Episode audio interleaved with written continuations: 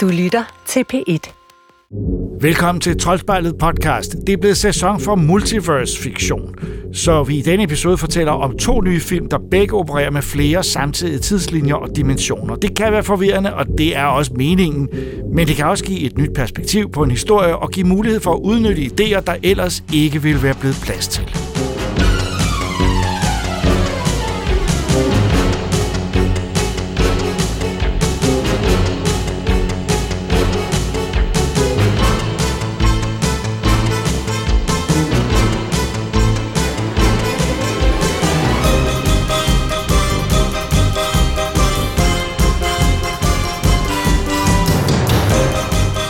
Har været på tale et par gange, men det lykkedes først, da han overtog instruktørstolen fra Scott Derrickson, som forlod Dr. Strange-film nummer 2 kort efter optagelsernes start. Og nu er den her så, det er Doctor Strange in the Multiverse of Madness, som Regitze og jeg har set. Every night, I dream the same dream. And then,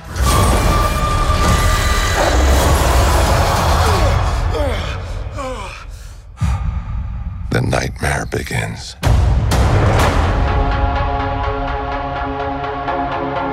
I did what I had to do to protect our world. You cannot control everything, Strange.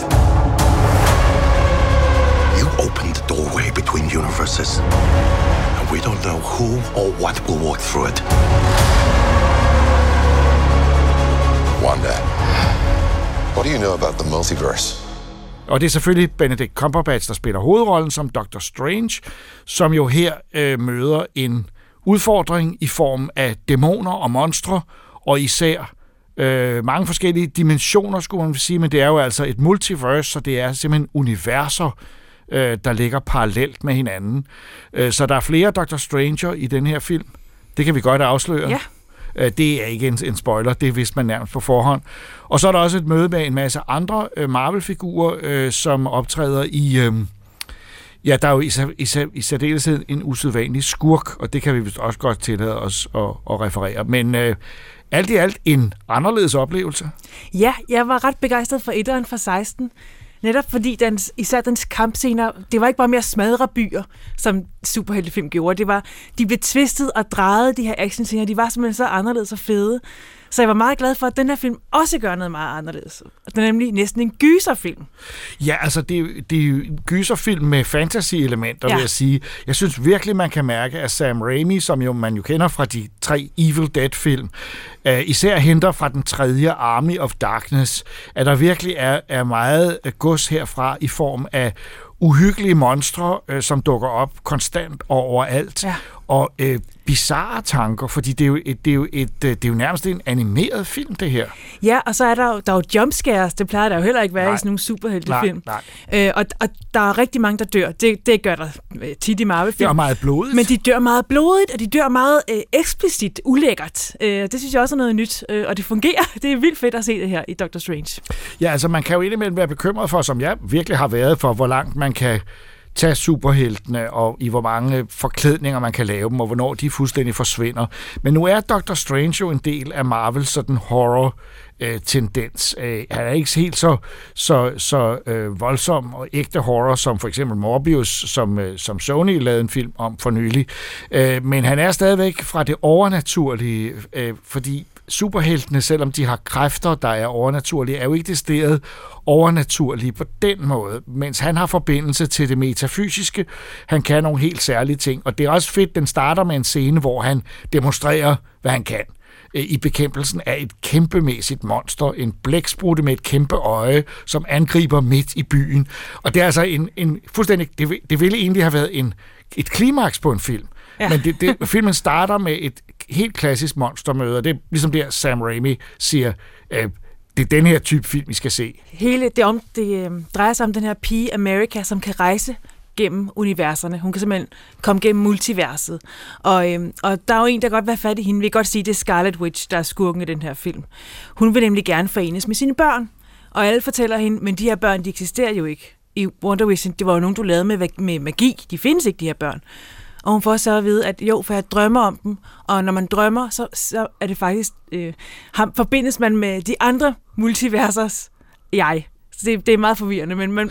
Jo, det er også meget logisk på en eller anden måde. Ja. Hvis man forestiller sig, at, at ens drømme er i virkeligheden forbindelsen til de andre universer, så er der mange af mine drømme, som pludselig giver meget mere mening. det vil jeg sige, at de mennesker, jeg har mødt, øh, var ikke mennesker, jeg ville kunne møde i, i den virkelige, i min egen øh, øh, univers, men der kunne godt være et eller andet univers, hvor jeg øh, pludselig boede på den samme vej, som den og den, og jeg vil ikke fortælle, hvem jeg har drømt om, men, men, øh, men, men og, og det er sådan set pointen. Hun er bare i den usædvanlige situation, at hun kan hoppe, og hun er på flugt. Ja. Øh, for der er nogen efter hende. Og, og som du selv siger, skurken er jo en, vi kender rigtig godt, øh, og selvfølgelig opfatter man hende jo ikke som skurk i WandaVision egentlig, men det er det jo, fordi hun har skabt hele den her by for at Ja. lave sig en lykkelig tilværelse sammen med Vision, og det gør hun jo på bekostning af andre. Og i mm. den her film har hun jo også en del dårlig samvittighed, Ja. ja. altså fordi hun har, ind, har indset, hvad hun har gjort. Ja. Men hun, det la, hun, hun stopper jo ikke af det her. Hun, jo- hun er jo simpelthen... Hun vil så gerne være sammen med sine børn igen, så hun synes, at alle andre mennesker, de, de må bare finde sig i det. Og, øhm, og det er jo fedt, at man, det er jo både det er jo en skurk med en menneskelig side, fordi det er jo en menneskelig motivation, hun har, men hun, kan jo stadig, hun er jo stadigvæk virkelig ond. Hun er meget ond, Ja. ja. og, og, og, og der er nogle, der er nogle scener øh, til sidst i filmen, hvor hvor, øh, hvor det virkelig bliver nærmest hjerteskærende. Øh, men hun, hun, jeg synes, hun er bare billedet på en ekstrem manisk mor, øh, som, som øh, vil gøre alt for sine børn, og intet for nogen andre. Mm. Øh, øh, og er klar til at ofre alle undervejs. Og det er den kamp, øh, Dr. Strange er op imod. Og øh, han, øh, øh, ja, der sker også mange ting med ham undervejs, som er meget overraskende, øh, og, og som, som kun kan lade sig gøre i et sådan Sam Raimi Evil Dead-agtigt miljø. Så det Ja. er meget... Øh, jeg, har virkelig, jeg havde virkelig déjà vu omkring øh, øh, Evil Dead, og det blev så ekstra slemt, eller ekstra markant, da der pludselig dukkede en, en, øh, en, en meget øh, morsom cameo frem. Ja. Jeg ved ikke, om vi skal afsløre det, skal vi måske ikke, for det står ingen steder, men Nej. det er efterhånden ret kendt. Men øh, Stan Lee er jo ikke til, til rådighed som cameo mere, og nu har Sam Raimi opfundet en, som måske mere passer til Sam Raimis univers ja. end til Marvel, men øh, det er fint med mig. Der er også en skøn scene, hvor de virvles gennem en masse øh, forskellige universer, meget, meget hurtigt. Ja. Øh, og det, den, er, den er virkelig fantasifuld og fantastisk, fordi man ser, hvor forskellige de er, de her universer. Jeg tror, det blev nævnt på et tidspunkt øh, af Christine, at der er i hvert fald knap 1000 forskellige. Ja. Hun har, hun har givet dem numre øh, i et andet univers, altså Christine i et andet univers. For hun er der jo også. Øh, og de er meget, meget forskellige. Nogle, der er man maling, så der... Ja, altså jeg vil så sige, den tur gennem universerne er så forrygende, men Ja. også så hurtig, at jeg havde lidt lyst til, at den, den fik lidt mere tid, Ja. eller at de gjorde det tre-fire gange mere, Ja. fordi det var simpelthen så, så visuelt opfindsomt. Og det må man sige, øh, plottet i den her film er meget enkelt. Øh, og det, øh, det, det, det er måske ikke den store, dybe plot. Øh, det er ikke så indviklet, men det, der er, det er tydeligt, synes jeg, at de har sagt, at vi skal have et plot, så vi kan gøre en masse fantastiske ting, der ser godt ud. Ja. Og deres production designer og deres animatorer og alle de effekthuse, og det er mange, der har været i gang, har virkelig gjort en indsats for, at hver evig eneste scene er på en eller anden måde engagerende, og, og så skifter den udseende mange gange, Ja. ja. synes jeg. Der er blandt andet en scene, hvor Scarlet Witch går igennem et spejl, og det ligner nærmest ja. noget fra The Ring. Altså, ja, Ja, ja. ja. det er japansk skyser, hvor hun sådan helt ud af proportioner bliver hun tvistet, og det, det ser meget ubehageligt ud, og det, ja, det er helt japansk skyseragtigt. Og så er der en kampscene, hvor Dr. Strange kæmper med noder, altså det er- klassisk Ja, musik. Og, og, og prøv, det må du ikke prøve. Altså, Nej. Når man siger det her, at I skal se en scene, hvor Dr. Strange slås med noder, så siger man, ah, vel, vel, vel skal jeg ej. Og det skal I, og det, det, fordi det er det ser forrygende ud, men det er en film, der tillader sig, det er lidt ligesom Disneys Fantasia, eller sådan noget ja. lignende, at den, den, den er et sammensurium af action og musik, og øh, øh, altså det er så langt fra en Marvel superhelt, superheltefilm, man kan komme, og man kan mærke, at de har åbenbart, efter afslutningen af MCU, har de ligesom givet sig lov til Ja, til at lege med ja, det. Ja, og, og der vil jeg sige, at de har haft nogle, nogle, nogle fejl, fejltrin der øh, det sidste års tid. Eternals. ja, og Shang-Chi. men det her, øh, det, det synes fungerer. jeg er forrygende, og Ja. det, men det er jo også, fordi hovedpersonen er fantastisk. Ja, han er skøn. ja det skal eneste- vi tale lidt om ham? Det eneste, der ikke fungerer ved ham, det er hans hår. Jeg ved ikke, hvad de har gjort i den her film, men Ja, det, ligner, de har, det ligner, de har givet ham en Dracula på ryg på. Ja, ja, det det ser sjovt. så kunstigt ud. Den Ja, ja. der hårgrænse. Og det, der, Jo, men det er jo nærmest det er hans, helt det er jo en galt. del af hans kostyme. Jamen, det, også? ja, det er det. Og det Altså- ligner et kostyme og en Ja. peruk. Og det Jamen, synes jeg bare det- ikke, det plejer at gøre. Nej, men jeg synes bare, jeg kan se... Okay, håret er mærkeligt, men jeg synes, man kan se, at øh, Benedict Cumberbatch, han nyder det her. Ja. Fordi han skal også skifte mellem mange forskellige typer Doctor Strange undervejs. Ja, for han Øh, spiller jo sig selv i mange universer. Nemlig, Ja. og, og, og det vil sige, at han, skal, han, skal, han kan virkelig give den hele armen, og det synes jeg er fantastisk. Så dukker der jo også nogle andre Marvel-helte op, et Marvel-figur, man overhovedet ikke havde ventet ville Ja, være med, ja. og det vil vi ikke afsløre her, Nej. fordi det er forrygende morsomt, når først de kommer, og de har en vigtig indflydelse øh, øh, på historien.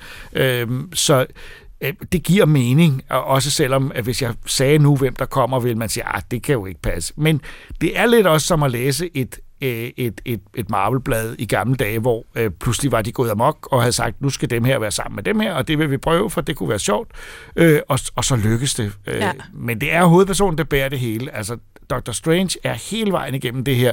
Ja, og Elisabeth stærk Olsen synes jeg også er virkelig og det er rigtig, undskyld, Hun ja, er også virkelig fremragende Ja. præstation af, af Elisabeth Olsen Det er virkelig som, en som skurk, Wanda. som man kan have, men også man får ondt af, og man forstår alligevel altså, Ja. med hendes motivation. Og så, jeg græd til sidst, som om det var en Pixar-film. Altså. det gjorde du ikke. Jo, jeg gjorde. Gjorde du virkelig? Ej, det må jeg der, der var jeg lidt mere hård i filten og sagde, altså, det, rørende er det altså ikke. Det, det er rigtigt, at den, den, den prøver noget emotionelt til sidst. Øh, Men jeg synes først og fremmest, den er lejende og morsom. Det virker på mødrehjerter. Ja, og der er, jeg er jo en, en kold mand, der ikke kan tænke sådan noget. Men, øh, men, men jeg synes, den er fantastisk underholdende. Den er ikke så lang. Den varer lige lidt ja, over to, to timer, ja. Øh, man skal sørge for at se slutteksterne. Der er to gode sekvenser. Øh, den ene er morsom, og den anden peger i retning af, hvad der skal ske. Og der kommer mere, og det synes jeg er, er en god nyhed. Øh, så synes jeg også, at vi måske lige skal bemærke, at øh, Danny Elfman er tilbage som superhelte-komponist i den her film. Øh, og kombinationen Elfman og Raimi, øh, det er på en det, det, der ser jeg noget virkelig godt. Øh, øh, Elfmans musik er fremragende, og der er selvfølgelig citater fra WandaVisions tema, som dukker op indimellem på en meget charmerende måde. Så øhm, hvad skal vi ellers sige om Doctor Strange in the Multiverse of Madness? Se den. Det er godt to klare ord. Vi synes, man skal se den, øh, og øh, at det, det er absolut en superheltebegivenhed. Man skal bare være forberedt på øh, mange farver, mange effekter, mange monstre, øh, og Mange ubehagelige dødsfald. mange ubehagelige dødsfald, og øh, øh, øh, ja, bare øh, forrygende på alle måder.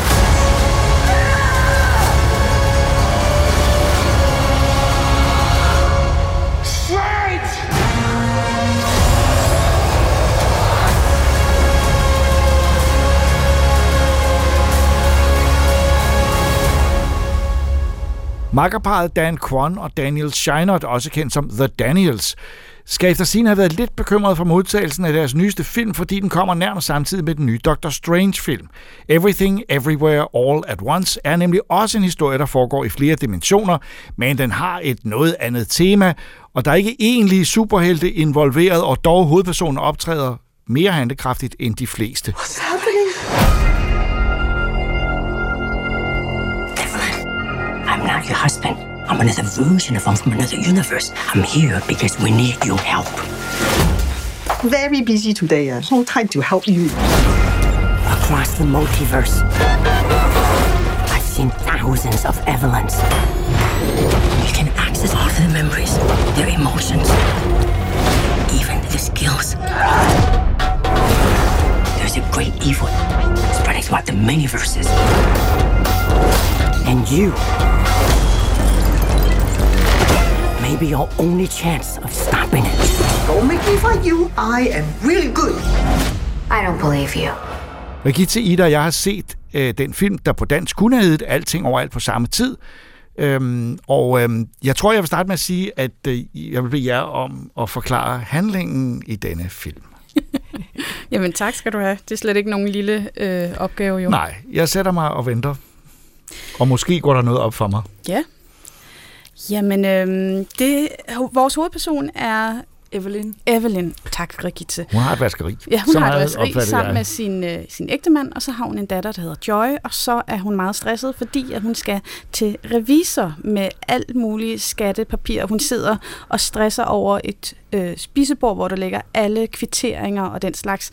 Og så samtidig er der en mand, som hun øh, hunser med, og der er en far, der skal have noget mad på den helt rigtige måde, og en datter, som så øh, viser sig at være lesbisk og gerne vil have sin, øh, sin kæreste med øh, og introducere kæresten til faren. Og det hele, det ligesom bare sådan, uh, altså koger over i hovedet hos Evelyn. Det er faktisk ikke revisor, hun skal til. Nu bryder jeg lige ind. Hun skal til skattevæsenet. Nå, men hun... Det IRS, skattevæsenet, ja. der sidder Jamie Lee Curtis, spiller øh, IRS-damen, ja. som kigger alle hendes kaotiske bilag igennem og prøver at finde ud af, hvad der har været i hendes regnskab. Og samtidig er der jo noget med noget altså, øh, sprogforvirring, fordi at øh, Evelyn og hendes øh, mand Wayman, de er jo fra Kina, og der er noget, de, altså selvom de har boet der i mange, mange år, så, øh, så har de det lidt svært med det. Så derfor skulle deres datter Joy faktisk have været med, men så vil de ikke have hende med, eller Evelyn vil ikke have hende med på grund af, jeg ved ikke hvad, men det bliver lidt for meget med den der kæreste, hvis nok. Nu kommer det jo til at lyde som sådan en meget kedelig film om ja. En kvinde, der skal til Det lyder som skattevæsenet en med sin socialrealistisk film.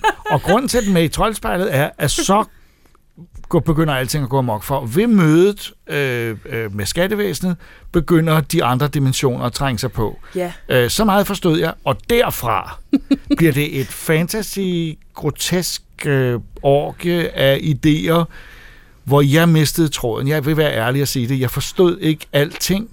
Øhm, og det, I kigger på mig som om, åh, oh, stakkels mand, Ja. han er ikke for klog. Nej. Men øh, jeg er jo kun gennemsnitlig, og jeg forstår sådan, Jeg forstod det heller ikke. Nu har åh, jeg oh, sagt det er godt, tak. Men det gjorde ikke noget. Jeg synes, den her film, der skal man bare opgive og forstå helt, hvad der sker, og så skal man bare nyde kaoset og alt det skøre og finurlige, der sker, fordi den er virkelig sindssyg, den her film.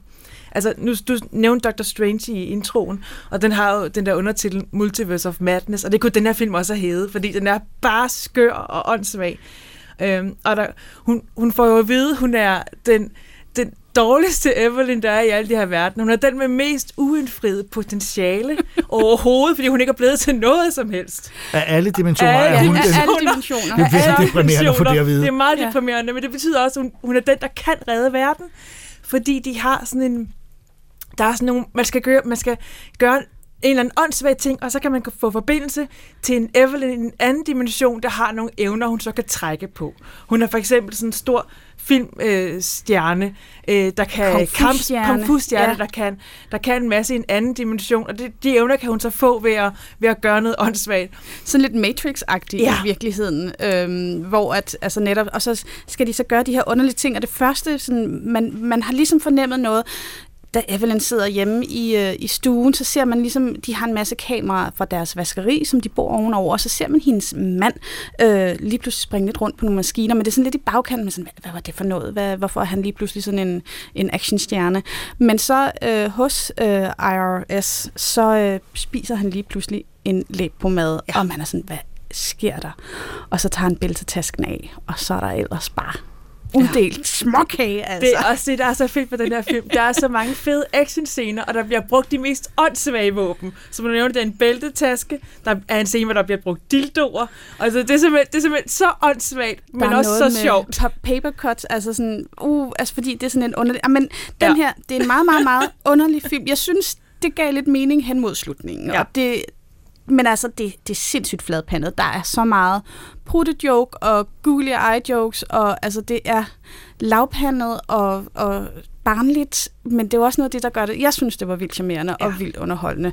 Samtidig med, at det er en rørende historie om mor datter Det er jo og det. alt muligt. Det er en blanding af rød og Dr. Strange 2. Ikke? Altså, den der, om den der øhm, historie med immigranter, hvor der er nogle generationsforskelle også. Det der, hun vil ikke fortælle, at datteren er lesbisk til sin far, og det, det behøver han ikke vide. Og det der med, at de misforstår hinanden, og, og at de måske vil noget forskelligt, og man godt kan elske hinanden alligevel. Mm. Og samtidig også mellem Evelyn og Waymond er der jo også sådan lidt, altså hun er så strid ved ham hele tiden. Ja. Han er bare øh, udulig og irriterende og for lalleglad og sådan, men i virkeligheden har han jo også nogle egenskaber, som viser sig at være rigtig gode. Mm. Og, øh, Han vil jo også skilles, øh, får man jo at vide. Ved. Øh, og det, så kæmper hun også med det, og det er... Det er Ja, Ja. ja. Jamen, der er Men mange han vil ting på ikke en gang. stå ved det, vel? Han, for, han, han, papirerne er kommet, og så siger han lidt, ah, det er jo... Ah, Jamen, han det sagde, var ikke at noget. han ville have de papirer, fordi at, at det ville tvinge hende til at tage den snak om, hvor at deres forhold er henne. Og det synes jeg jo egentlig giver meget god mening. Altså, men han, han elsker hende jo helt vildt, og det er man aldrig nogensinde i tvivl om. Men han er samtidig også ulykkelig, og, og det er hun jo også. Så derfor så, så tænker han, jamen, hvis vi nu tager den her snak om, skal vi skilles eller ej, så kan det være, at vi får talt ud om, hvad der er galt. Kan vi gøre noget ved det, eller skal vi opgive? Fordi så skal man vel trække sig ud, mens det er. Men det er i hvert fald en film, der går amok, det kan man roligt sige. Ja, og jeg havde det med vildt. den sådan med den, at øh, øh, i starten var jeg meget øh, fascineret af alle de her skift øh, og dimensionsrejse og ideen om at se et liv på forskellige måder, øh, som den jo også gør. Øh, men jeg blev, jeg blev lidt udmattet, det må jeg indrømme. Jeg synes, jeg synes det, det, det på et tidspunkt øh, var det ligesom om, øh, øh, det var som at se en Rick and Morty-episode, der bare bliver ved og ved og ved og ved. Øh, og på en eller anden måde savnede jeg til sidst, der er nogle rørende scener til sidst, så der er en forsøg på en opsamling af det. Øh, men jeg har læst et sted, at det var Jackie Chan, der skulle have spillet hovedrollen i den første idé til den. Øh, øh, så blev det skiftet over og gjort til en kvinde, nemlig Michelle Yeoh, som jo spiller fremragende, vil jeg sige. Ej, og det er så fedt at se hende. Jeg synes ikke, hun blev brugt nok i Nej. Shang-Chi, hvor hun også lavede en lille smule kampsport. det Hun er jo noget. bare så dygtig. Altså, de har elsket hende lige siden Tia på spring, drage i skjul. Så det er så fedt, at Det er hun... godt at se hende, ja. Øh, og hun, hun bliver 60 i år. Jeg synes, Ja, det gør er ret hun. Hun er så det er ret flot. Og hun skal være med i de næste fire, eller hvor mange Avatar-film, der kommer. Så det er, Ja. sådan, det er så Ej, fedt bliver at hun se blå, hende. jo. Men bare det at se, det tror jeg ikke. Jeg tror, hun er menneske. bare det at se sådan en type film øh, med en næsten 60-årig kvinde i hovedrollen, det synes jeg er fedt. Og i øvrigt er der altså også en anden, som har gjort et comeback, som jeg synes er helt fantastisk. Waymond, hendes mand, bliver nemlig spillet af Ki Hoi Kwan, som øh, han lyder næsten ligesom sig Det selv gør han fra. Goonies og fra Indiana Jones, hvor han er uh, short, Short round, Short ja. round. Altså, det er virkelig, uh, virkelig skønt. Han, har også, han kan altså også nogle action tricks. Så jeg er enig med dig, Jacob. Jeg synes, den her film er... Altså, jeg synes faktisk, den blev lidt for lang. Jeg kunne godt have skåret ja. en halv time ud. Også fordi, at man bliver træt af det der hæsblæsende komik og action, øh, når man ikke rigtig synes, det kommer nogen hen, vejene hen. Det bliver sådan lidt for at se, hvad vi kan, og se, hvor grænseoverskridende humor og hvor plat humor og alt muligt. Så jeg kunne godt have tænkt mig, at de havde strammet lidt ind. Men jeg jeg synes, det er forfriskende at se. Jeg synes, der er så mange nye ting ved den her film, som, øh, som jeg bare virkelig er glad for. Og det er i hvert fald en multiverse-film på alle måder, øh, så den kommer meget passende, eller måske meget upassende samtidig med Doctor Strange. Øh, Jeg som, synes, det gav god mening. Jeg havde lige Ja. set den et par dage for inden, så var jeg bare sådan, ej, multiverse, nu, er jeg sådan, nu forstår jeg lidt det her, hvad der Altså, jeg, foregår. jeg er begyndt at tænke over, hvad den, hvad, hvad den egentlig handler om. Og for mig at se, så handler det først og fremmest om en person, der har råd i regnskaberne. Fordi jeg tror, billedet og besøget hos IRS, altså der er ingen mennesker, der driver et vaskeri i så mange år, som hun har gjort, og ikke ved, at, hvordan regnskab skal laves. Altså, eller har en revisor, der gør det for hende. Så det er et tegn på, at hun simpelthen er umoden, øh, og har det der, og, at, og på en måde bliver regnskabet med alle de der uendelig mange bilag, der ligger foran Jamie Lee Curtis, som jo ikke, altså, det gør man jo ikke mere på den måde, men det ligner mere sådan en, en det er det samme kaos, og når man har kaos i regnskabet efter flere års, øh, og, og hun blander, hun har købt en karaoke-maskine, som hun tror Men det er jo netop fordi, hun Netop- har alle de her hun- uforløste hun- drømme, netop. ikke? Præcis. så, så regnskabet er, bliver på mig at se et billede på hendes, hendes liv, og at hun, altså, hun er kaos. Ja. Øh, og det er måske virkelig det, det handler om. øh, og så synes jeg, at den er fyldt med gode præstationer, men som sagt, jeg, jeg synes, at øh, tempoet og effekterne kommer lidt i vejen for, at man når at se dem 100%, også fordi de skifter så meget, så man bliver, man bliver virkelig, virkelig træt i hovedet indimellem. Men øh, der er da ikke tvivl om, at det er en film, som som, øh, som markerer sig som en anden brug af multiverse end lige en superhelt. ja. Men øh, fra os, altså fra jer kan jeg høre, det er en Ja, anbefaling. men Det er helt anbefaling. Det er Ja, ja, super ja. forfriskende. Øh, og The Daniels, de, de har jo også lavet den her øh, Swiss underlige Army nummer. Man. Ja. Yes, hvor Daniel Radcliffe han er et lig, som øh, øh, har lidt egenskaber som en Swiss Army kniv. Altså, ja. så er det noget med, at hans prutter kan gøre alt muligt. Jamen, Ja, men tosset, det er også, så det er tosserier, Ja, præcis, øh, og og det, det er det jeg synes, det også. er ret forfriskende. Ja.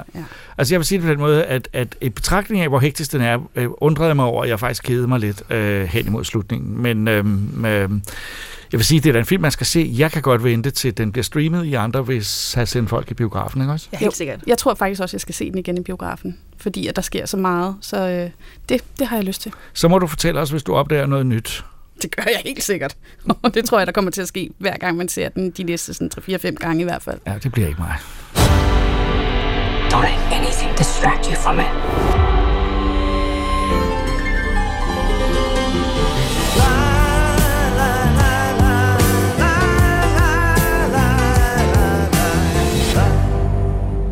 Det er blevet helt normalt at dekonstruere traditionel dramaturgi og historiefortælling, og her kommer nu en tegneserie, der gør det samme. Den skaber forsøger tydeligvis bevidst at forvirre læseren. Hans navn er Christian Henry, og hans album har den appetitlige titel Gruopvækkende fortællinger fra Rabarbermørket.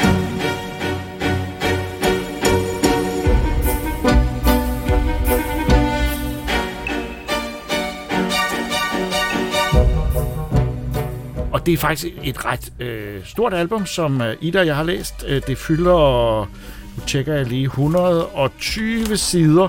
Og det er meget for et, et album. Det er dansk, og det er øh, bizart, og det er altså en masse forskellige historier, eller Ja, ja det jo, er ja, den samme ja. historie alligevel. ja, det finder man jo så ud af. Jeg var meget forvirret til at begynde med, fordi jeg, jeg, jeg synes ikke umiddelbart, de hang sammen, og, og så tænkte jeg, så blev jeg sådan lidt frustreret over, at, at nå, det lød da meget spændende, hvorfor får jeg ikke mere med det? Nå, men jeg læste jo videre her, glødede på, øhm, og så lige pludselig begyndte jeg at give meget mere mening. Øhm, men altså, det er en fjollet, finurlig historie. Hvad er historien? Det kan du lige fortælle mig, fordi at, at, at den starter jo med, at, at det ligesom er, et, et, man har indtryk af, at det her skal være ko, små, korte, eller gro historier. Ja, jeg troede, det var en slags antologi. Netop, øhm. men øh, det er det faktisk ikke. Og, og så bliver de længere og længere, ja. og den længste historie fylder så i halvdelen af albumet, eller sådan noget lignende. Ja, og så er det jo sådan en spøgelseshistorie.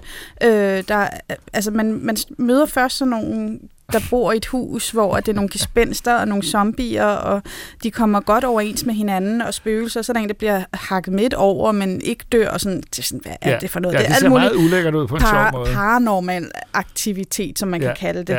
Ja. Øh, men så viser det sig, at der er sådan et, øh, et, et hus, hvor der har været en eller anden greve på et tidspunkt, som ja. så... Øh, spørger. ja, ja. og så skal de så ligesom hjælpe ja, ham, ja. ender det med. Jamen, det, det er meget... Øh, jeg synes egentlig ikke... Jeg må sige, sådan, hele hovedhistorien øh, interesserede mig egentlig ikke så meget til slut. Jeg var bare så underholdt af det her gakket univers. Øh, det blev jeg. Jeg var først frustreret, men så, så gav det bedre og bedre mening, og det her sådan lidt nuttede, de her lidt nuttede tegninger. Ja, altså jeg havde meget sådan lidt, jeg synes, det, det var banale. jeg, jeg havde lidt Adventure Time øh, ja. øh, øh, tanker, da jeg så det, og da jeg ligesom først havde anerkendt den øh, jeg vil ikke sige, det er direkte reference, men den fornemmelse af, at alt kan ske med figurerne, og der også er et stærkt metalag hele tiden ja. i, at de ved, nogle gange ved de, hvad der sker, nogle gange ved de ikke, hvad der sker, øh, og at de er en fiktion, og nogle gange ved de det ikke, øh, så, så synes jeg faktisk også, det var, det var meget underholdende, men der var også nogle steder i historien, hvor jeg øh, øh, mistede tråden, og, og var... Øh, det kan man blive fascineret af indimellem, men var også lidt irriteret over at miste tråden så meget, at jeg simpelthen ikke vidste, hvad, hvad, jeg skulle, hvad, der, hvad, der, hvad, hvad der foregik.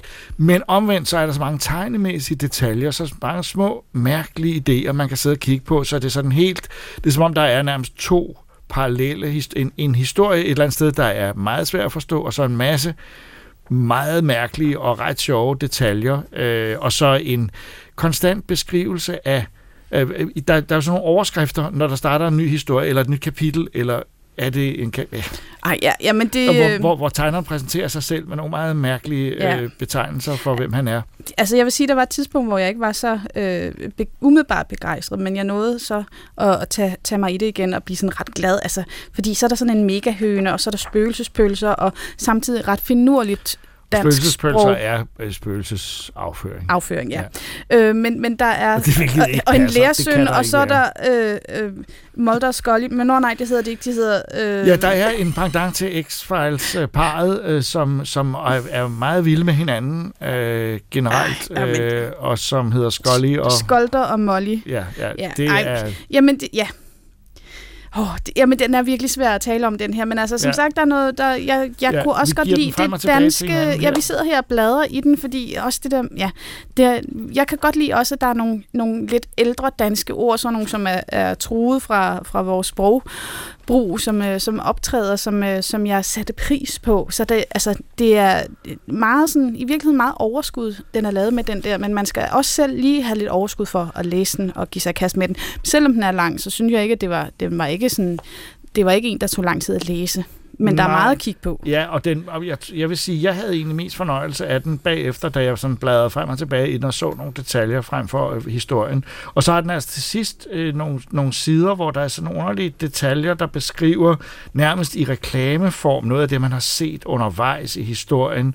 Øh, der er nogle sandwich kicks, der hedder Creamy, øh, som man får, får, får noget at vide om. Og øh, der er også en person med, der hedder Will Smith, øh, som, hvis- jeg ved ikke om det er Will Smith, men han ligner ham måske lidt, øh, øh, øh, hvor, man, hvor man får en, en reklame for et kassettebånd med ham, en ny rap med Will Smith, øh, øh og, og, og en, en, nogle smarte bukser, og der er en forfatter, der hedder Space Poulsen, eller Space Poulsen, som skriver, øh, skriver historier, som for eksempel den, der hedder Togviskeren i Vanvidsdalen, og jeg ved ikke, hvad fanden meningen er, men, men øh, der er lagt meget i det. Jeg vil Ja. sige, øh, øh, øh, tegneren Christian Henry, som altså er dansker øh, og øh, øh, ret erfaren, øh, selvom han ikke har lavet så mange tegneserier. Øh, han, øh, han, har, han har noget på hjerte, og jeg er ikke helt sikker på, hvad det er, men, øh, men øh, jeg vil Altså, godt læse den igen. Ja, jeg tror også, det er sådan en, jeg skal læse igen. Og så synes jeg, det snyder lidt med, at den hedder Rabarbermørket. Ja, altså, jeg eller noget fortællinger mørke. fra Rabarbermørket, for jeg troede, det var lidt for børn, også ud fra den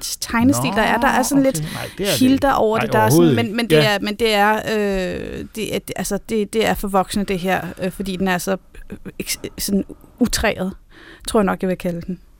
Men, altså, men, men bestemt en anbefaling faktisk alligevel, fordi at jeg er så fascineret af den. Altså, jeg havde svært ved at lægge den fra mig, fordi at jeg også blev sådan, hvad er det, der foregår? Altså, der Og var et par gange, jo- hvor jeg rent en faktisk lagde den fra mig helt bevidst og sagde, nu kan jeg ikke holde mere ud. Kom nu til sagen. Fortæl mig, hvad det handler om det her.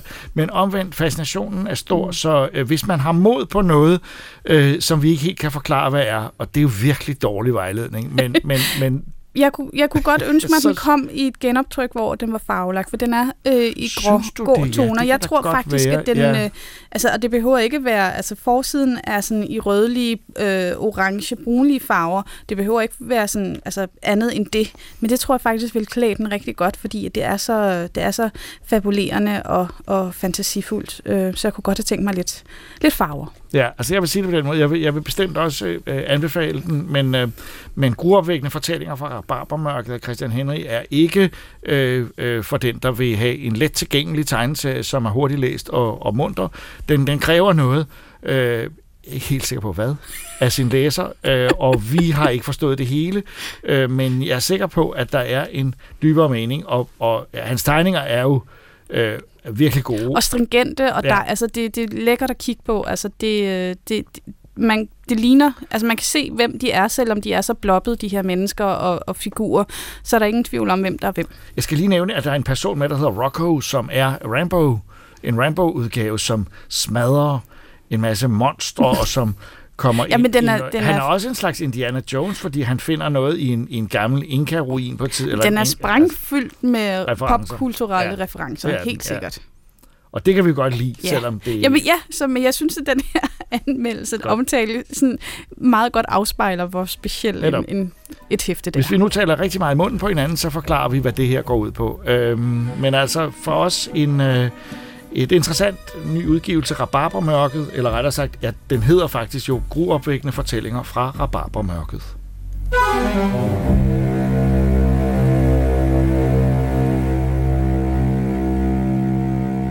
Kan en ulv være en helt, eller er det naturens lov, at ulve altid er skurke?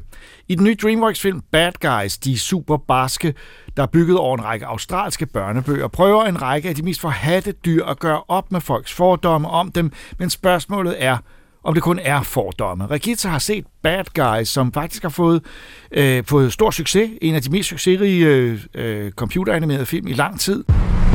Hey, du der. Kom herover. Åh, oh, jeg ved, hvad der er galt. Du er bange, fordi jeg er den store stykke ulv.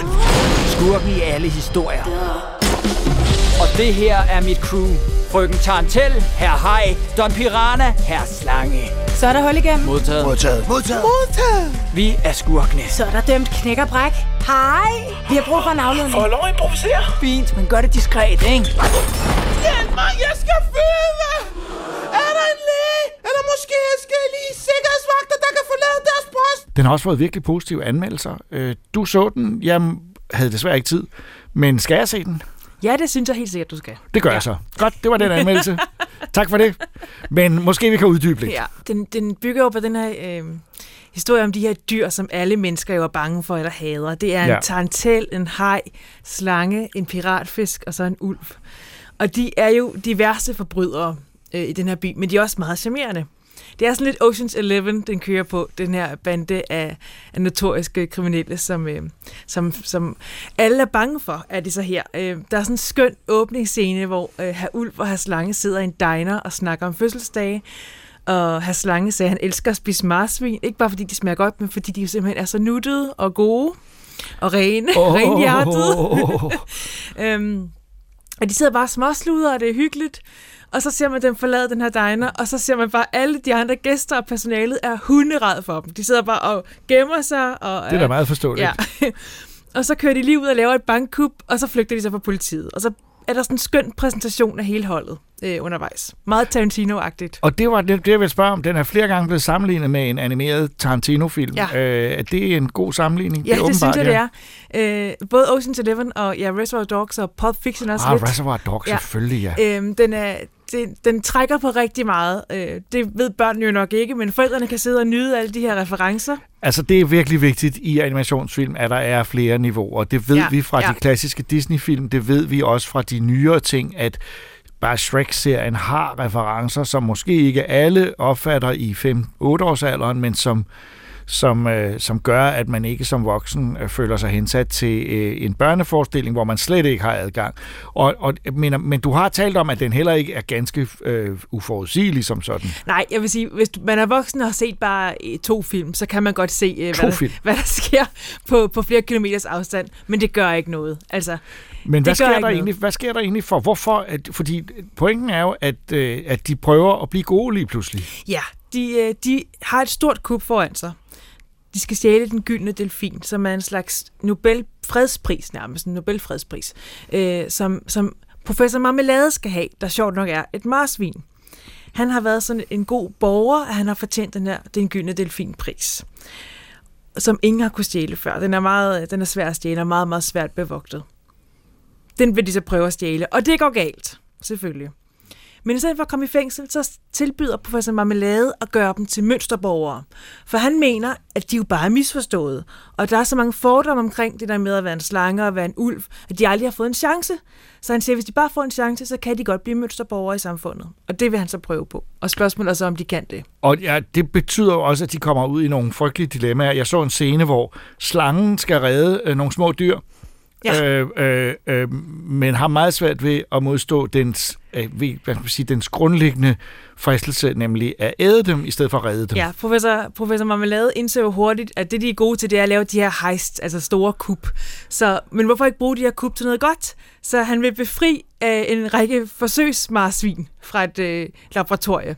Så derfor skal de bryde ind og befri de her marsvin, men jeg har slangen har lidt svært ved, at, ved bare at lade dem løbe forbi. Jeg har hørt øh, nogle ret gode stemmer. Øh, Sam Rockwell øh, som ulven øh, lyder rigtig morsom, og der er en, i hvert fald i traileren en meget morsom scene, hvor han hjælper en gammel dame, som siger, at du er så god, og ja. det, det pludselig går der noget op for ham, at det kan han godt være. Men du har set den med danske stemmer. Kan det anbefales? Ja, det var faktisk en rigtig god dub. Øhm, Lars Rante spiller her Ulv, øh, og og så var det Pilo Asbæk, der spiller professor Marmelade. Ja. Og det kunne jeg slet ikke høre. Jeg sad og gættede på alt muligt andet, men det var, det var Pilo Asbæk, og det var han altså god til. Det var en uh, lidt anden type stemme, man plejer at høre fra ham. Man kan sige, det er jo vigtigt, at det, en, en stemme ikke lyder, selvom vi gerne vil, at filmselskaberne vil gerne have, at der er stjerner i, i alle roller, øh, selvom vi jo egentlig som tilskuere ikke har brug for det. Altså, vi går jo ikke ind og ser sådan en film her for at høre en eller anden Nej. stjerne, vi genkender. Men det betyder bare, at de hyrer nogle, nogle personer, der har navne, og så synes jeg jo netop, det vigtigste er, at vi ikke kan høre det. At vi ikke kan høre, at det er dem, hvis de kan lave det. Det synes jeg er imponerende. Bilo Asbæk har gjort det. Øh, øh, du, du, du måtte kigge i noterne bagefter. Ja, det, man kunne se det sidste credits. Ja. ja okay. Men jeg troede faktisk, det var Troels Tøjer, så jeg var meget overrasket over det. Han er også, Pilo Asbæk er også med i Fremad, så klarer han det også meget, han er for storebror, men ellers har han jo ikke lavet så meget dubbingarbejde før. Nej, det er jo noget, der kræver en, en vis rutine, men omvendt, hvis man er god skuespiller, burde man kunne gøre det. Øh, hvad hedder det? Noget andet, du skal sige om den her film, andet end at øh, den jo har en, øh, en, en... Altså, den ser meget, øh, altså alle figurerne er meget genkendelige, men det er jo ikke så mærkeligt, for de skal jo også være klichéer. Ja, det skal Øh, de jo nemlig, og den er super charmerende og sjov. Og jeg, øh, den er jo baseret på nogle øh, børnebøger, som, som de faktisk det er grafiske romaner. Ja, Men øh, så Det, vidt man jeg lige kunne se... ligefrem. Ja, lige præcis. Så vidt jeg kan se på forsiden, så er det en helt anden stil, de har valgt i, øh, i filmen. Ja. Og jeg kan rigtig godt lide den her stil. Den er, det er 3D, altså men det, de har valgt. Ja, Ja. det er 3D, men det ligner lidt 2D. Det har sådan lidt 2D-agtig øh, effekt. Det ser lidt specielt ud, men det fungerer super godt. Øh, og ja, den er, den er virkelig skæg, og både for børn og voksne. Og det er faktisk noget, DreamWorks har gjort en dyd ud af at finde sådan de måske altså forholdsvis succesrige, men ikke verdensberømte øh, børnebogsserier, som også har en helt bestemt illustrationsstil, hvor de så laver det hele om. Det gjorde de How to Train Your Dragon, var Og- jo øh, ja. en, en, en nogle, altså han, figurerne så helt anderledes ud. Helt anderledes. Også i Shrek. Ja. Den øh, har jeg også derhjemme. Den ser også helt anderledes ud som Og børnebog. alligevel, øh, både dem, der har skabt det, siger, det ser sgu rigtig nok ud, øh, også selvom det er lavet meget om. Så der har DreamWorks designer altså en, øh, en øh, heldig hånd ofte i at øh, lave det om, så det på den ene side bliver computeranimation, der er meget tilgængelig for et stort publikum, og samtidig ikke helt mister øh, det, der er essensen i det, i illustrationerne og, og personernes karakteristik fra bøgerne. Men vi skal sige det, vi har ikke læst bøgerne, Nej. så det er, øh, det, vi, vi kan kun se, at på nogle af billederne af dem, der, der ligner det i hvert fald ikke. De er ikke kommet på dansk, så vidt jeg ved. Men altså, The Bad Guys øh, med undertitlen De er super barske. De er super barske. Det er meget hyggeligt med en Ja. lille dansk undertitel, helt unødvendig. Øh, men, øh, men selvfølgelig Bad Guys er rent engelsk, og øh, ellers skulle den jo bare hedde Skurkene. Ja. Men det, så langt vil man ikke gå i oversættelsen. Nej, Men øh, det er altså en anbefaling fra dig. det er det. Bad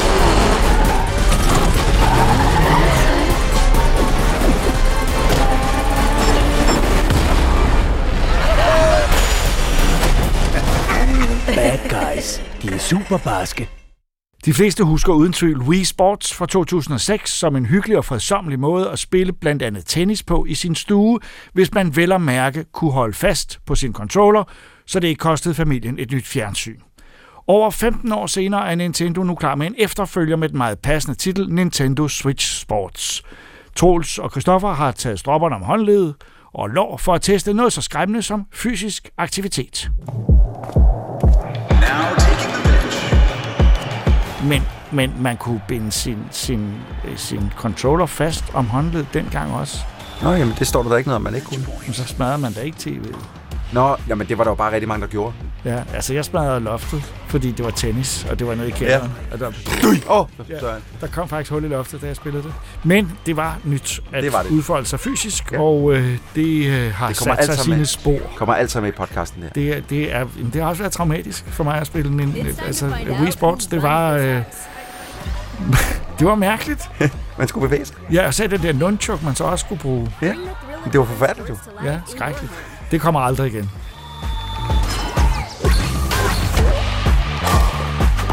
As you go toe to toe with family, friends, and online competitors. So, who's got next? Nintendo Switch Sports. Only on Nintendo Switch. Jeg har nogle meget, meget tydelige og klare minder om at have stået i en stue, som ikke sådan forfærdelig gammel, og været fuldstændig blæst væk af motion controls. Det var en ret stor ting på det her tidspunkt, da, da det oprindelige Wii-spil kom ud. PlayStation prøvede også lidt med nogle... nogle men det var som om, at Wii, den, den blev nærmest solgt på Det, de det oprindelige blev spil. solgt. Jamen, det, jamen Wien blev, blev solgt. Jamen, her skal du ikke sidde med en controller i hånden og sidde stille. Her skal du op og stå og lave Ja. noget fedt. Og, og så sammen med Wien, når man købte den, så kom der Wii Sports. Mhm.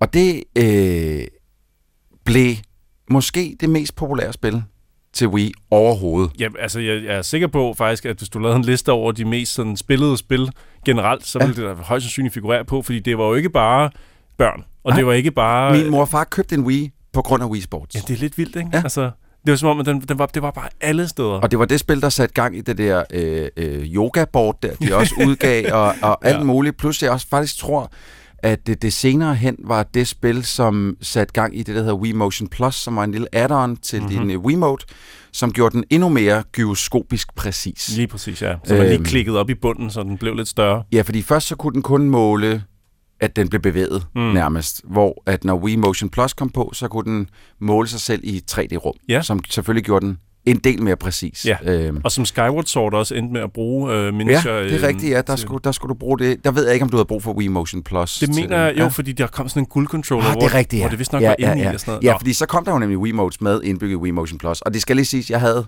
øh, altså, jeg havde Wiimotes med, med add-onen på, jeg havde dem øh, indbygget i, Mhm. jeg havde det hele, fordi at der kom altså et par spil, som var røvfede. Og, men det er alt sammen, altså driveren på det hele, det var Wii Sports. Ja, lige præcis. Så det er jo ikke så mærkeligt, at Nintendo Switch har lyst til at lave et nyt spil, hvor man gør præcis det samme, bare øh, over 15 år senere. Altså, det er jo oplagt. Plus, altså, Switchen har jo øh, Joy-Cons, Ja. som har altså størstedelen af alle de dele, som øh, Wiimoten havde indbygget, Mhm. mm-hmm. øh, ud over højtaleren. Ja. Øh, så, så har den resten indbygget. Ja, ja. Så det er jo bare nærmest copy-paste over, og så sige, ja, så, kør, Ja. så kører vi. Og det er heller ikke langt fra, at det er præcis det, de har gjort. Altså næsten Ja og nej. Jeg synes, jeg synes der er, altså fordi der er, øh, i det her, der er der, der er ikke noget tennis.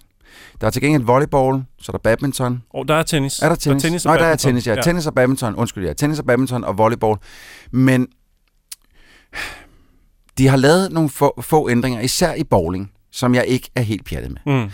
Øhm, for lige lad os lige tage bowlingen først, fordi Yes. det, er den, det er den, hvor jeg lagde mærke til, at der var lavet de største ændringer. Tennis synes jeg generelt set er det samme, men, men i bowling i det gamle Wii Sports, der skulle du holde en knap inde, til, altså tage Wiimoten op til brystet, så at sige, holde en knap inde, og så svinge som en bowlingbold, og så slippe knappen, når du gerne vil slippe Mhm, mm-hmm. bowlingbolden. Mm-hmm. Øh, som gav den noget, gav, altså selve bevægelsen noget, noget stoflighed. Øh, man følte, man rullede med, altså man gjorde det i virkeligheden, Ja. så at sige. Ikke? Øh, bare på grund af det ene knaptryk der. Her, der skal du holde knappen inden, du, du tager Wiimo, øh, Joy-Con'en op til brystet, holder knappen inden, og så bliver du ved med at holde knappen inde, mens Ja, det- du kaster bowlingbolden. Det undrede også mig. Jeg sad de første mange gange og, og simpelthen ikke kunne øh, få det til at fungere, fordi jeg, jeg slap knappen, når ja. Jeg skulle slippe bowlingkuglen. Vil du høre noget sygt? Hmm? Mine børn, øh, 11 og 8, har aldrig spillet Wii Sports. Øh, det kom, de, de er blevet født for sent. Mm.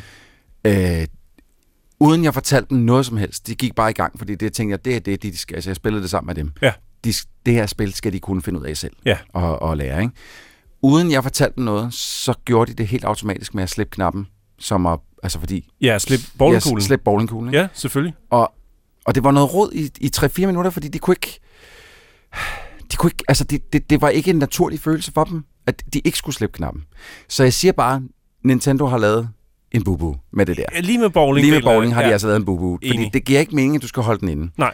Udover det, så er bowling jo lige så sjovt, som det altid har været. Ja, præcis. Øh, jeg føler også, at altså, øh, øh, hvad hedder det, præcisionen af controlleren er lige så skarp, som den var med Wii Motion Plus på. Ja, præcis. Altså øh, Nintendo Switch controller, altså det- motion-delen af Ja. ja. Nintendo Switch er jo bare ret solid, må Ja. ja. man sige. Altså til, hvad, til husbehov. De ved, hvordan man skal lave det. Ja, præcis. Ja. Jeg synes, højdepunktet af det her, det er fodbolddelen af det. Og det er havde- sjovt. Det havde jeg ikke troet. Nej.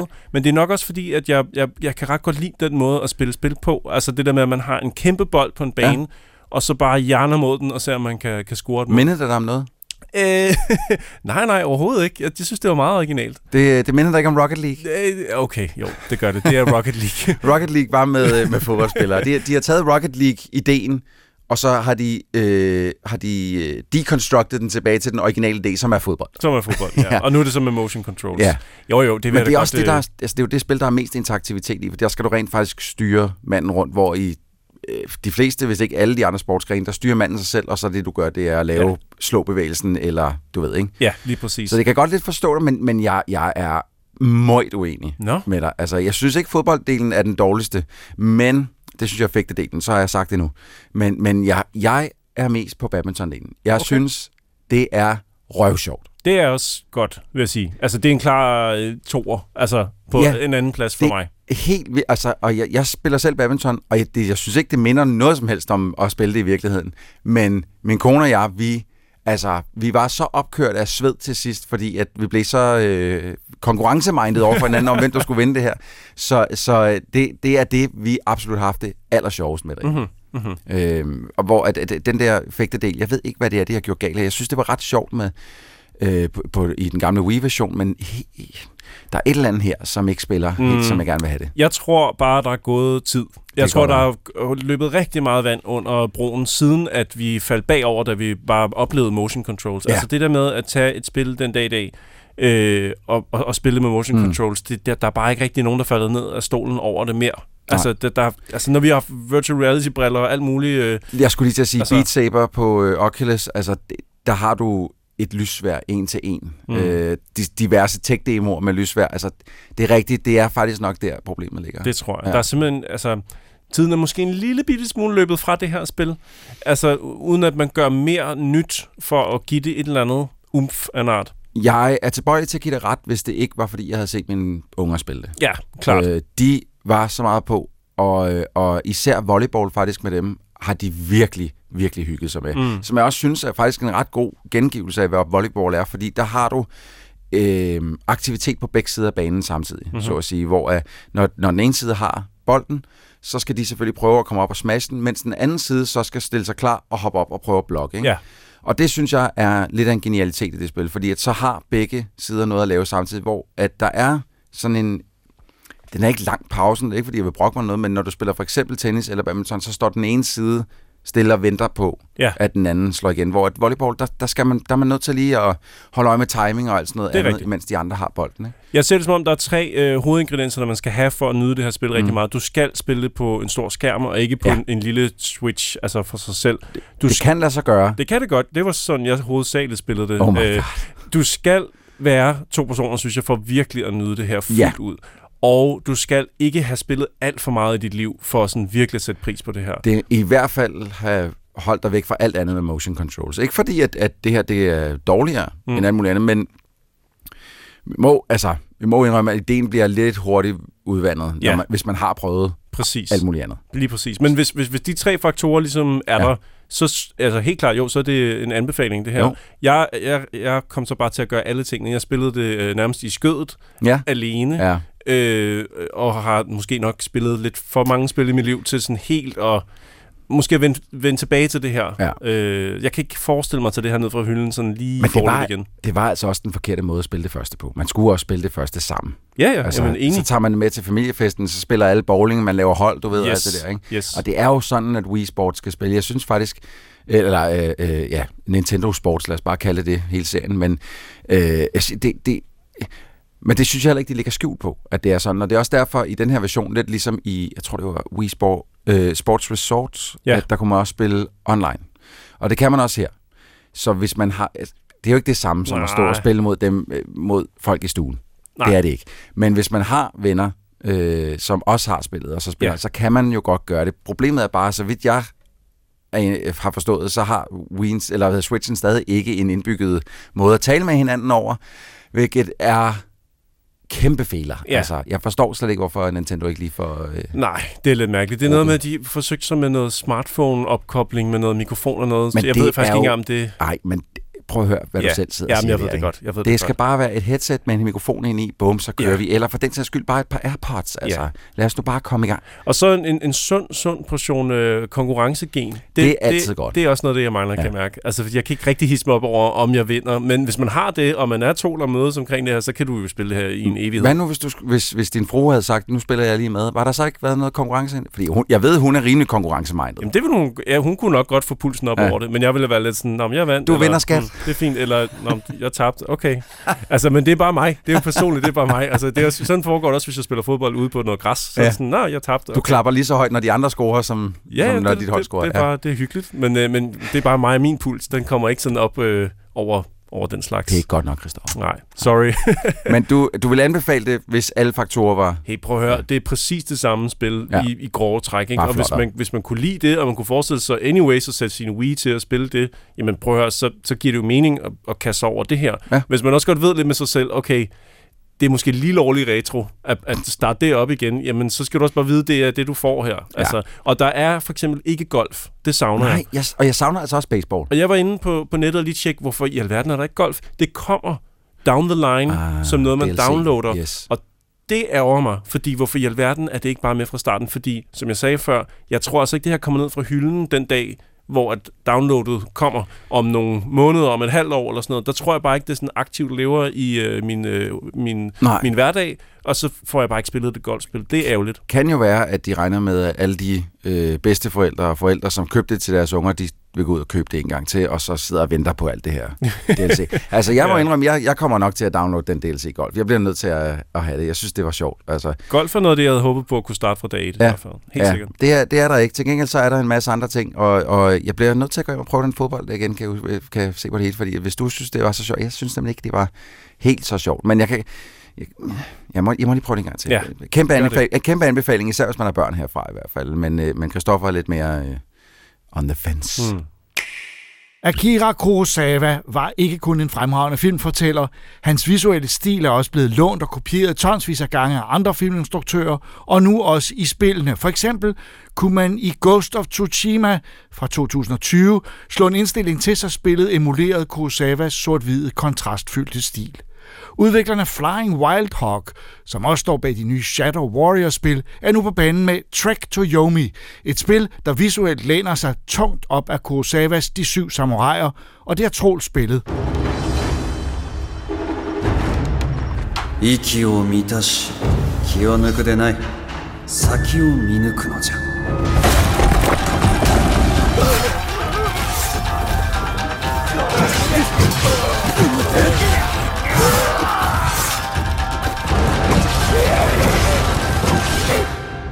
Og man må sige, at når man ser det, for jeg har selvfølgelig også lige kigget på det, ja.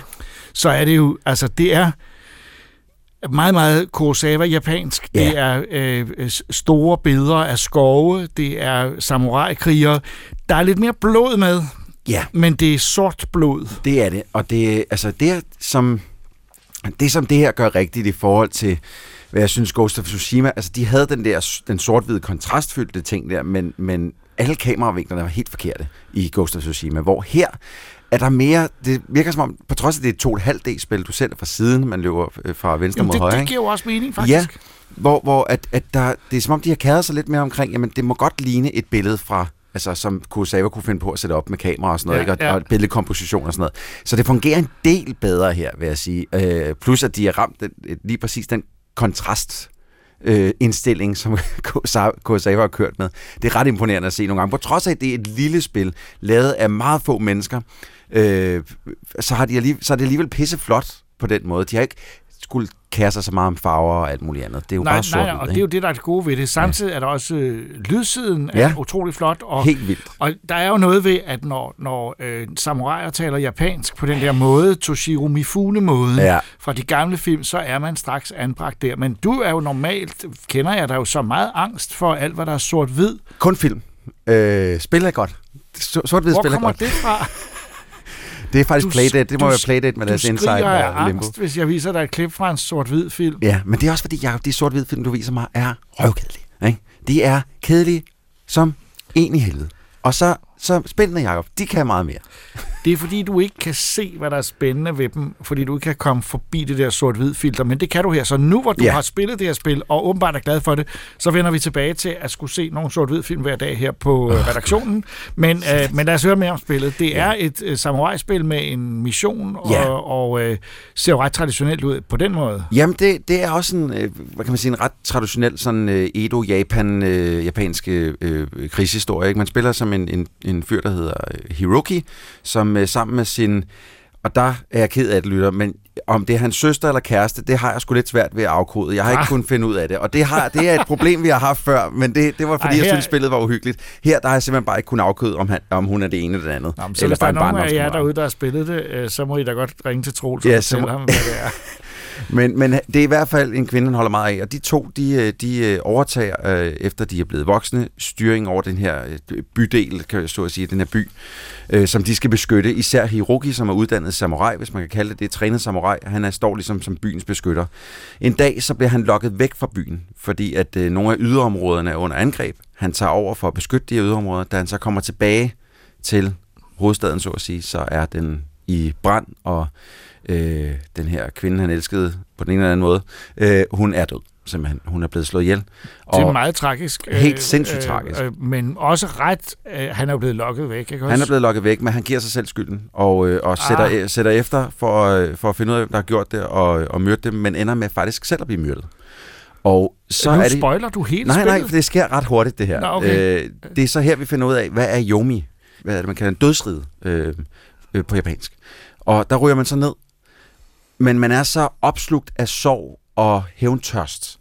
Så hvad tror du så, man skal? Man skal kæmpe sig vej ud af dødsriget, op og hævne. Øh, ikke bare landsbybeboerne, men også øh, den her kvindes liv, ikke? Som, øh, som er død. Og det er overdrevet spændende, hvis jeg skal sige det. Virkelig spændende. Ja, det, ja, ja og det, det kommer lidt af, at hver kamp, øh, ikke for os øh, at putte Dark Souls eller Elden Ring eller noget Ja, som det helst lyder andet. lidt vi, som om, der er nogle men, paralleller der. Ja, men det, det, det vil jeg faktisk ikke sige, der er, fordi til det er kampsystemet lidt for simpelt. Der, det, du har øh, meget få moves, du kan. Det, kamp, kamparsenalet bliver udvidet lidt øh, med tiden. Du kan øh, begynder at kunne skyde med pile, kaste med knive og, og også nogle øh, gamle forledervåben.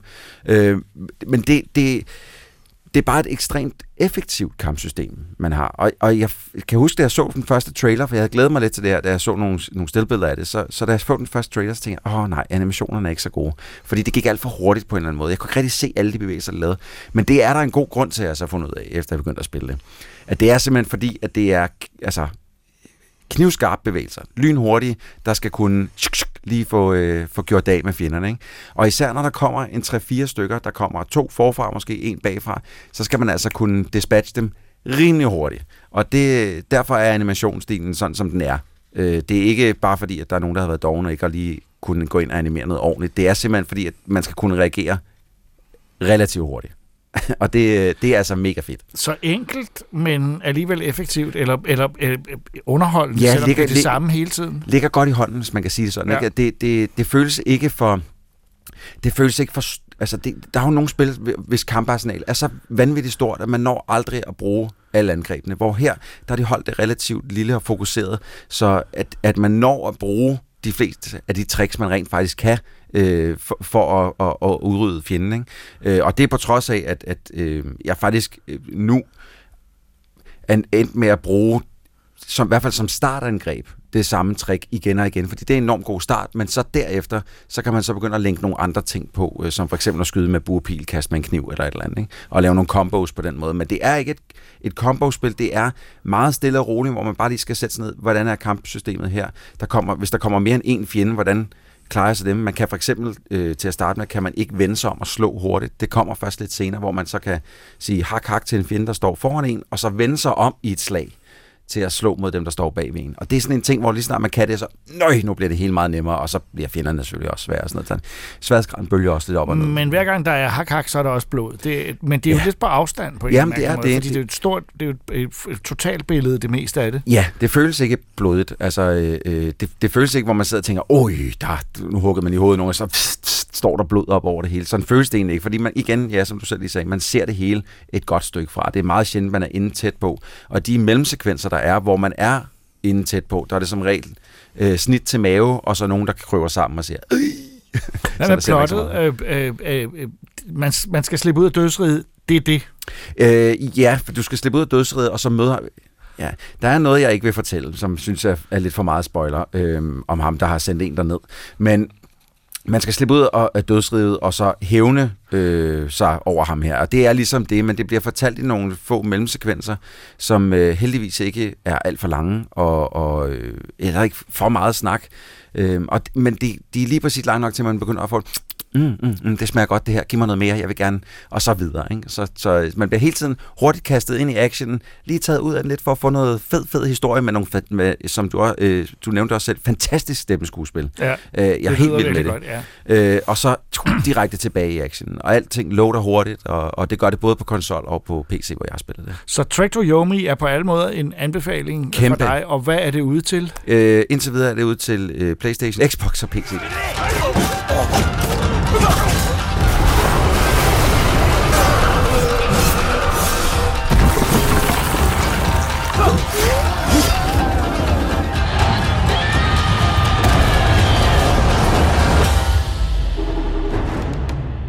Tolvspejlet podcast er slut for denne episode. I studiet var jeg, Jakob Stelmann, Regita Heiberg, Ida Rud, Christoffer Andersen og Troels Møller, der også klippede. Vi vender tilbage med mere af samme slags i næste episode, som udkommer om 14 dage. Tak fordi I lyttede med.